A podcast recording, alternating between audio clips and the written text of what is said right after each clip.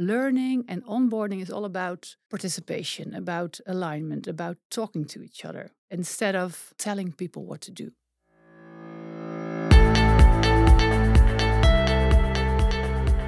Welcome to Fit for the Future podcast. My name is Eva Klinkert, CMO of Archipel Academy, and I'm your host today. And in today's episode, we're diving into the nuances of onboarding new employees and how to tailor the process for quick integration and long term retention. Joining us to shed a light on this topic is Bianca Eveleens, senior trainer, coach, and L&D advisor from Coniche. We're thrilled to have your expertise today uh, on board for this discussion. So, welcome, Bianca. Thank you. To our podcast. And maybe you can give us a small introduction about who you are and what you do at Coniche. Uh, well, as you said, I'm a senior uh, trainer and uh, L&D advisor, and that means that I do this for 15 years already. So, uh, being a coach, being a teacher, being a trainer, and everything in that role means that I am uh, responsible for the development of others, and that I do that in classroom or by making e-learnings or by coaching them, uh, and mostly I do that in the customer operations services uh, for managers, for leaders, but also for the representatives themselves. Nice. And yeah. also already 15 year uh, 15 years at Coniche? Yes. Indeed. So, it's a good employer. Yeah. Did Long they had term. a good yeah. A good onboarding? No, no, uh, no, but we made it good. Yeah. Oh, okay. It wasn't good at my time. No. Okay. well, in your journey as a senior trainer, um, You've been deeply involved in training um, and quality manage uh, management within the uh, contact center industry, True. as I understand. Um, drawing from that rich experience, what are the key ingredients or the key elements that make an onboarding successful, both in the process mm -hmm. uh, for quick integration, but also when you look at long term retention? Um, well, I think uh, to start the first question, I think the, the the best ingredients for good onboarding is that, and what I've seen in the past 15 years, that uh, when you look at several organizations, active participation is key for the, the one who is being hired, for the one who's starting, the new employee, the new colleague. Um, what I mostly see is that they have to follow their own path and they're being lost in organizations. So if you really let them participate, let them choose what to learn, let them choose when to meet others, uh, how to learn, and when to learn, uh, that really helps in the onboarding part and it helps them to be engaged. And engagement means loyalty. And in within that loyalty, it means having results and and and becoming a good employee for long term. But um, uh, do you also mean then that they should have a a specific program tailor made to the hire? If possible, yes. I know it's not always that cost efficient or it's not always that plannable to, to make it really tailor made. But if you do something of an assessment, something to um, make them see what they have to learn and create their own learning paths for that individual, uh, then it will help them to onboard real quickly because they only learn what they need to learn to start their job feel the culture, in being involved in the culture, um, but also create groups for the cost efficiency part. You have to learn that, you have to learn that, you have to learn that, make a group of three and have a classroom training, for instance. So, no one size fits all, but look at the uh, specific type of person who is entering a specific discipline or department yeah. within the organization and maybe not all the other departments are re- uh, relevant uh, for their onboarding. True. Ah, yeah. okay. Yeah, that's it. Normally, I would say uh, maybe tick all the boxes, but um, in this way, you can go more in depth yeah. with their specific role, also probably. Yeah. Yes, and I think it's good that they learn how the, the whole organization handles themselves or uh, operates. Uh, and then you have to uh, see all the different departments and, and get to know the different people for its culture. It's good mm. to know the culture for long term investment. Uh, but if you want to have a quick onboarding, let them see the practice of the job they're actually going to do. Yeah. Uh, and let them feel it, let them be involved. And actual active participation means that they do the job as soon as possible, even if it's just a small part of the job. And then build from that further ah. and further instead of learning everything beforehand before they actually start, and then hopefully they will remember what they have learned. Let them learn the most important part of the job, and then build from there. Okay. Right. And uh, when it comes to integration and to integrate this uh, onboarding system into your uh, company, is it also important to let the department make the onboarding? The department where the employee Yeah. is going to work, Yeah. you mean? Yeah. Um, yes, but only if they know how a good onboarding works, I think. Mm. Because I've seen it happen that a department builds the onboarding and what they all they do is build knowledge blocks. Mm. And then it's always about you should know that, you should know that. And the new employee gets lost in all those knowledge blocks. Too blocks. much information. Too much, yeah. Yeah. And too much means hesitations, means confusion, and they don't know what to learn. anymore. Overwhelming. Yes, Yeah. indeed. Yeah. Yeah, yeah, I understand. Well, and you've seen the landscape evolve over the years. You Mhm. already uh, work 15 years uh, at Coniche. Yes. Uh, so you've seen the changes, the rise of remote work, the technical, uh, lo- technological uh, advances. Um, how do you think they impact the traditional onboarding process today? Uh, well, I think we all know the e-learning part in learning. Then, then, and for me, a good e-learning is that it's interactive, it's question-oriented instead of this is what you need to learn. Good luck and bye. Uh, but also about involvement again. Uh, but I think it's also good to build online communities or to build an online certification certification program or something in which people can find each other and learn a sort of kind of a learning hub or something like that. And those technology are already there, not just AI, which is already there, but it's also about learning with your peers, with the ones who's who are also learning.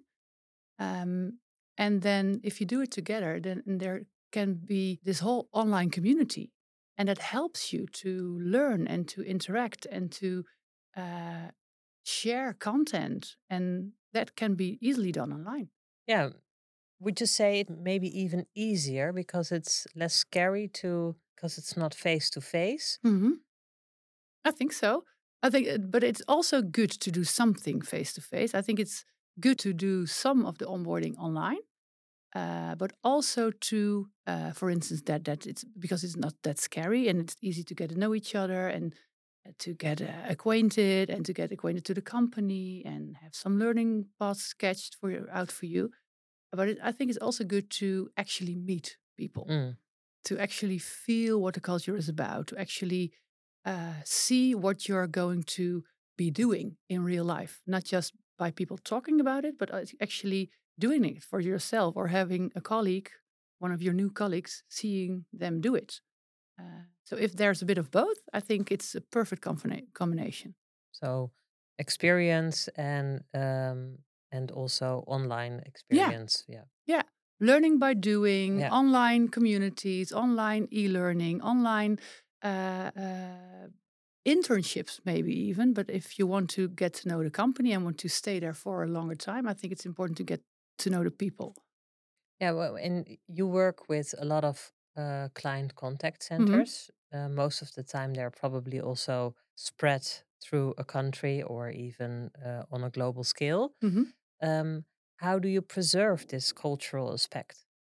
As the, within the company, you yeah, mean? uh, I mean, you said uh, it's nice also to come back to the company, but Mhm. um, I can imagine that it's sometimes also in this new landscape of work that it's also difficult to preserve the culture Because they're remote. it- because mean? they're yeah. remote. It's, it's, yeah. it's, it's harder to see what the culture is about or to experience what the culture is about when you're not actually there. I think Mhm. that's true.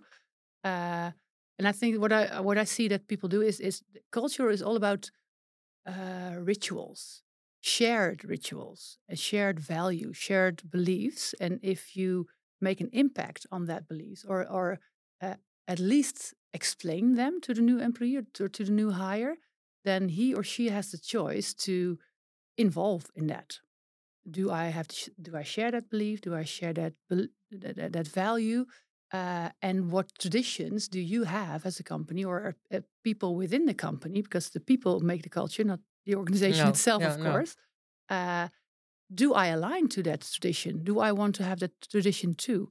And that's choice. And if they are free to choose, then uh, I think it can be preserved. But you have to invite them, I think. It's Yeah. all about, I think learning and onboarding is all about participation, about alignment, about talking to each other uh, instead of telling people what to do. Mm. And if that can be done in, in, in the whole digital future, I hope so. Yeah. Yeah. I hope so too. Yeah. Are there any tools or strategies or interactive elements you've came across that you believe that can help organizations to cultivate that and and, and to adapt, uh, make the adaptation go seamlessly? Yeah, good question because that's what I keep my eyes open to to actually experience that and what I see happening in some really small companies or some really big companies is that they create panels, for instance, panels with uh, uh, people who are working there for a long time, people who have just started, and they are kind of a, um, a helping mentor program hmm for the new hire, for the new employee to uh, have their wishes heard and to have a an experience or to have a, a kind of an internship. Mm. But it's all about creating something of a program for the people uh, within that company or within the, for the new hires. Um, and what I see happen is that they uh, have drinks or sporting games together or, or competitions, everything surrounding those new people to make them feel welcome, I think. Yeah, and I think uh, that can also have an effect on the company itself when Mhm. you put mentors in place, and those mentors are also employees, I imagine. Yeah, true. Yeah. Yeah. So it works both ways, probably. Yeah. Yeah. Because they feel involved too. They can share their light, they can have a responsibility, and that, that helps in your motivation and in your satisfaction as an employee. And motivation, engagement, satisfaction helps in a long term marriage, I would say. yeah, good one. You emphasized yourself also on the importance of lifelong learning Mhm. and making a difference uh, in other ones in others' development daily on Mhm. a daily basis. With that in mind, could you highlight some common pitfalls you've observed in the onboarding process? Yeah, what I've seen in, uh, uh, I I think in the last two years, especially after after COVID, is that uh, companies would let them their new hires wait. Uh, most of the time because of administration thingies. I don't know what exactly. Uh, some some legal things or some some administration things or laptop or access something like that. But people were waiting. So, they not were hired. working, they were hired, Yeah, Exactly that. They they they were hired. but they couldn't start. no, and they were just being left in the dark, Oh, and they did not know when to start. Uh, or well, they knew when to start in four weeks, but they had sometimes they had to wait for four weeks to actually do anything. So what do do, do people do when they need money? They look around yeah, and they look for other jobs and they because find it gives them. them some uh, insecurity. Yeah, Yeah. they they kept them hanging, I think, and, and left in the dark. So if you give them something to do, even if it's just a little e-learning, or uh, to start a community with with with your peers, or to have something uh, of a I don't know acquaintance uh, afternoon, or a little game, or something like just something small. It doesn't have to cost a lot of time. Then they uh, see what the expectation is and they know what their expectation of the company is and they have a choice Yeah. And they can be reassured that everything will work out. That and that they might made the right choice four weeks ago Mm, but other- otherwise they will doubt their own choice i think why why did i choose this company if they left me hanging in the dark Yeah, I've read somewhere also that 30% of the employees decides during their onboarding process Yeah. whether they want to stay or leave the company. Yeah. So that's within the first month probably. Yeah.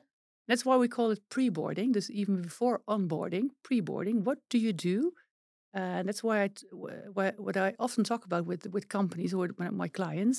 What do you do during your pre-boarding? Please keep in mind that it's a really interesting period to create expectations, to to manage expectations, to give insight in your culture, to do something that gives the employee clarity. In the time between the hiring process and the time they Actual actually start. actually start. Yeah, start training. Yeah. Not start working, start, start training. Yeah. Okay. But uh, so not in the period you don't involve in the period when they're not started at your uh, when they, they did not start yet at your company. When they're hired, I think you can do the same. But that's that's also the pre-boarding part, I Yeah. think. Yeah, yeah, yeah, they- Because they, they are still waiting. They have had a yes, you are hired, good job. Uh, you can start in, say, for instance, four weeks. What do you do in the meantime? Yeah. And call that pre-boarding and do something to keep them aligned, Engaged, engaged. also yeah. yeah, yeah, Yeah. also make them excited about getting. Yeah. Yeah. Cheer for them. Yeah. Otherwise, maybe the the threshold can be too high also uh, to enter on your first day. Um, And that's what happened. That's what you said earlier. Can it be sometimes scary to start a new job and then you should start online? But If you do a good pre-boarding, you shouldn't have to start online. You can start with actually being there. Yeah, yeah, good one. Um, you've also mentioned somewhere the joy you find in doing what fits the client and achieving what they aim for with their dreams. Yeah. Extending that thought to onboarding, how do you see the benefits of an extended onboarding process, perhaps spanning several months or even a year? hmm Uh, what I meant with that quote is that I think it's a good combination to find something you really want and then combine it with something you are good at. So if you find your long for long will desire, for instance, and you can combine it with your talent, then I think it's a multiplier. Uh, that that's but it's hard to do. It it, it has some self reflection or it requires self reflection. Uh, but what I see happening in companies around me or wi- within my clients or where I advise upon is that we create some of a uh, some of a stairs to have a learning path for maybe even a year ahead, and within the beginning of that stairs, people are on the on the on the ground floor. They just don't know what they're good at. Probably don't know even what they want hmm in life or in their job. Uh, but if you ask the right questions and you give them space to evolve and space to um, explore, uh, they find what they want. And if you can combine that with what they do best, then they climb that stairs by giving them extra knowledge, by giving them extra experience, by giving them extra uh, competences to do so. To and, and you, it helps them to see if I speak my mind, if I involve myself in my learning process, my own learning process, I'm the director, then I can take the right steps. They will help me. The company will help me to create my own learning path. So you also should have some kind of autonomy Yeah. over your own onboarding as well. So yes. Yes, please. when we summarize the elements which are important for a quick integration, it's make sure you start with a pre-boarding, whether it's uh, the hi- between the hiring process and the, and the moment you train, hmm but but start before the training actually starts. Yeah. Don't leave people hanging. Hmm Um, uh, whether your administration is not in order or uh, but make sure that they can do something already within their jobs that they feel seen or a part of the company. Yeah.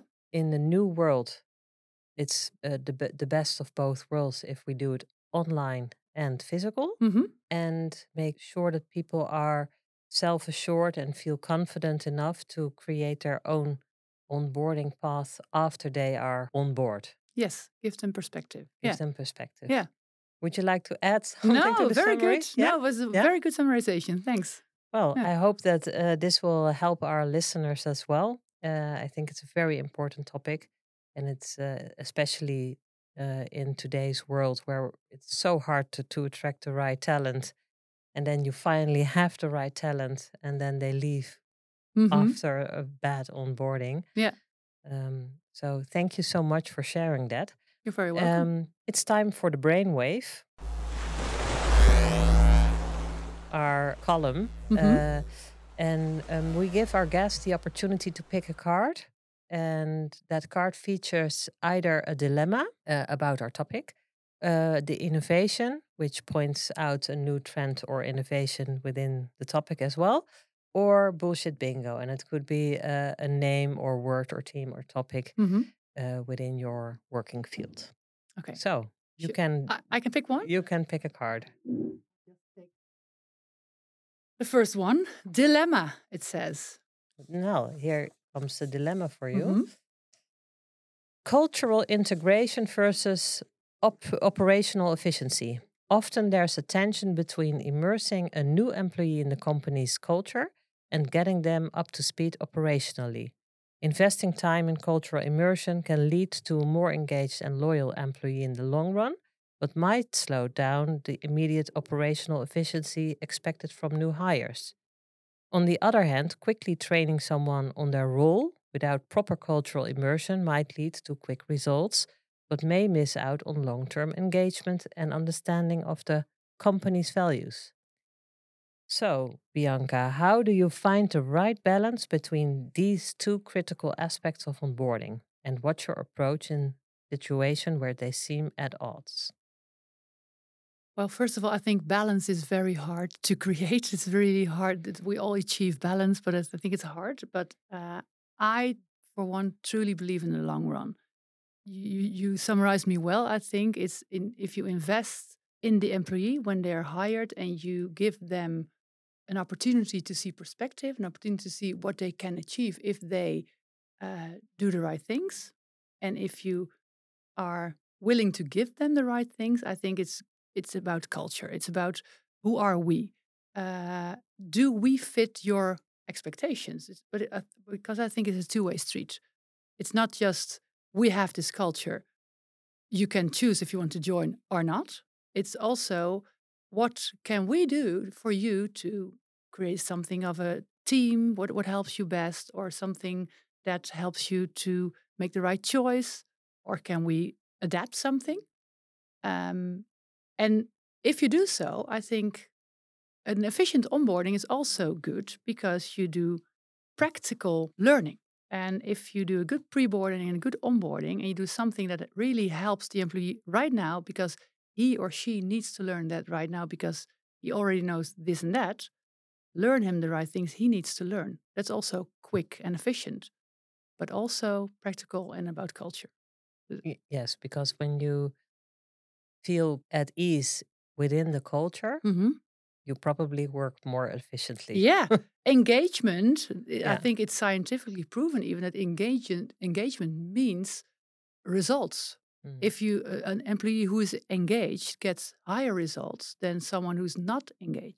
So it will it will uh, uh, cost you a little bit of time at the beginning And money, I think. and money, yeah, but it's worth the investment because in the long term it will um, you will get the right results. yeah, they will stay with the right results. Yeah, Thank you so much for sharing your thoughts. I thought it was very interesting. Thank you. Uh, and um, you gave our listeners a great, and myself included, great insights. And it was great having you. thank, Thank you. you. Thank you for having me. Would you like to hear more inspiring stories and stay up to speed on the latest L&D and HR topics? Then uh, listen to our other episodes of Fit for the Future podcast. And uh, I will see you next time. Bye.